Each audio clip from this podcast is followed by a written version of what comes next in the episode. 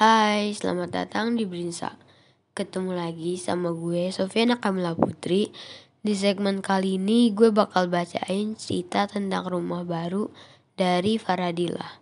Buat kalian yang gak berani dengerin, jangan dengerin sendirian ya. Cerita ini adalah kisah nyata yang aku alami. Pada awal bulan September tahun 2010, aku dan sekeluarga pindah ke rumah baru, yaitu di Bogor. Awal cerita dimulai dari ayahku yang ditugaskan kerjanya di Bogor. Lalu ayahku memutuskan sekeluarga untuk pindah rumah di Bogor dan menetap saja di sana. Lanjut cerita, kami sudah mempersiapkan semuanya, mulai dari barang-barang rumah dan perlengkapan sendiri untuk pindah ke Bogor. Saat di perjalanan, semuanya lancar dan baik-baik aja. Tiba saatnya makan siang, kami berhenti dulu di tempat makan. Kami sangat lahap ketika makan karena begitu macetnya saat di perjalanan dan sangat lapar juga. Kemudian setelah kami selesai makan siang, kami melanjutkan perjalanan karena perjalanannya cukup jauh dari Surabaya ke Bogor. Sampai akhirnya kita sampai di Bogor jam 9 malam. Rumah baru kami letaknya di perkampungan saat kami menurunkan barang-barang dari mobil pick up, banyak warga yang membantu. Warga di situ baik dan saling membantu. Setelah selesai menurunkan dan memindahkan barang-barang ke rumah, kami mengucapkan terima kasih kepada warga. Ketika warga yang lain sudah pulang, ayahku menyampaikan pesan ke salah satu warga yang belum pulang.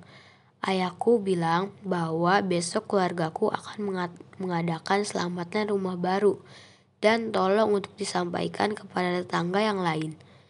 Keesokan harinya, kami mempersiapkan untuk keselamatan rumah nanti, yang akan dimulai acaranya setelah selesai asyar. Tiba pada waktunya acara, semua tetangga sudah pada datang, dan dimulai acaranya dibantu juga oleh Ustadz. Ketika acaranya dimulai, semuanya berjalan lancar, tidak ada kendala. Akhirnya acara selamatannya Selesai sebelum maghrib, semua tetangga sudah pulang ke rumah masing-masing. Saat azan maghrib, keadaan rumahku sangat sepi karena memang rumah juga perkampungan. Tak lama kemudian terdengar suara orang yang sedang cuci piring di dapur. Suara itu terdengar sangat jelas. Saat itu aku sedang duduk di ruang tamu. Kebetulan ruang tamu dan dapurku jaraknya lumayan berdekatan. Di belakang rumahku juga terdapat kebun yang tidak berpenghuni. Banyak yang bilang dari tangga kebun itu angker. Namun aku masih berpikir positif. Tapi lama-kelamaan suara itu semakin jelas dan aku penasaran. Lalu aku pergi menuju dapur. Setelah aku memeriksanya, tidak ada orang. Aku panik. Suara itu masih terdengar jelas. Kemudian aku memanggil nenek dan bundaku. Nenekku juga mendengar jelas suara itu. Aku panik dan takut, namun nenekku menenangkanku supaya tidak panik. Tapi semakin didiamkan, suara itu semakin jelas. Aku, nenekku, dan bundaku terdiam. Ayahku sedang pergi di luar, jadi kami cuma bertiga di rumah. Nenekku akhirnya mulai membaca ayat kursi, tapi semakin menjadi. Tiba-tiba terdengar suara piring pecah di dapur. Kami semua kaget. Tak lama kemudian, ada suara kuntil anak tertawa sangat nyaring dan jelas. Nenekku melanjutkan membaca ayat kursi tersebut dibantu juga oleh aku dan bunda. Akhirnya tak lama kemudian suara itu tak muncul lagi. Tapi kami masih takut. Dan akhirnya ayahku pulang, kemudian bingung karena melihat kami semua pucat. Lalu bundaku menceritakan kejadian tadi. Ayahku pun ikut merinding serta menenangkan kami semua. Keesokan paginya, kami semua memulai aktivitas seperti biasa. Aku berjalan-jalan mengelilingi kampung supaya mengenal tetangga-tetangga lainnya. Saat malam tiba, semuanya sedang sholat, termasuk aku. Lalu setelah selesai sholat, nenekku mengaji di ruang tamu. Namun tak lama kemudian nenekku memanggil bundaku. Nenekku bilang katanya dia mendengar suara delman dan suara kaki kuda yang sangat jelas. Lalu aku ikut keluar ke ruang tamu karena penasaran. Dan suara itu bunyi lagi. Kami semua mendengarnya. Padahal rumah kami ini di perkampungan dan jalannya cukup sempit. Tidak memungkinkan delman bisa masuk ke daerah ini. Tak lama kemudian ayahku pulang kerja dari kantornya. Muka ayahku sangat panik. Kemudian beliau duduk di ruang tamu dan menceritakan ke kami semua. Kata ayahku, saat ia melewati gang menuju rumah, ayahku merasa seperti diikuti oleh seseorang di belakang. Tapi saat ayahku menengok, di belakang tidak ada siapa-siapa. Kemudian ayahku melangkah lagi dan terdengar lagi suara itu. Tapi tidak ada siapa-siapa.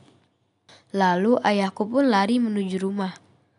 Kami sekeluarga sangat dibuat ketakutan selama pindah ke rumah ini. Lalu ayahku pun lari menuju ke rumah. Kami sekeluarga sangat dibuat ketakutan selama pindah ke rumah ini.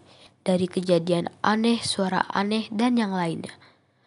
Keesokan harinya bundaku belanja di tukang sayur. Dan aku ikut menemani bundaku.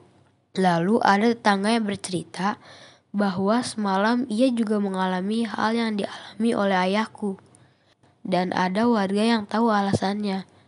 Ternyata memang gang itu angker. Setiap melewati gang itu kita tidak boleh menoleh ke arah belakang. Entah apa sebabnya, tidak boleh melakukan itu. Tapi warga yang sudah tinggal lama di situ sudah tahu kisahnya. Lanjut cerita, kami pun pulang ke rumah. Bundaku menceritakan cerita tadi saat di warung sayur kepada nenek dan ayahku. Dan kita sekarang tahu kalau nanti lewat gang itu jangan menoleh ke belakang. Lalu hal menyeramkan yang dialami di rumahku waktu selesai selamatan itu, ada tetangga yang memberitahu bahwa kalau selesai selamatan tidak boleh ada nasi kuning yang tersisa. Itu katanya Pak Mali. Dan waktu itu kami ada nasi kuning yang tersisa di cucian piring yang menumpuk karena belum sempat membersihkannya. Kami pun akhirnya tahu penyebabnya apa dan kami tidak akan mengulanginya kejadian seperti itu lagi serta akan dijadikan pelajaran. Dan alhamdulillahnya sekarang sudah tidak ada lagi hal yang mengganggu seperti itu. Oke, segitu aja cerita horor yang gue bacain. Kalau misalnya kalian ada cerita horor lainnya, kalian bisa DM di Instagram kita @osissmkbw2. Makasih udah dengerin podcast Berdinsa. See you.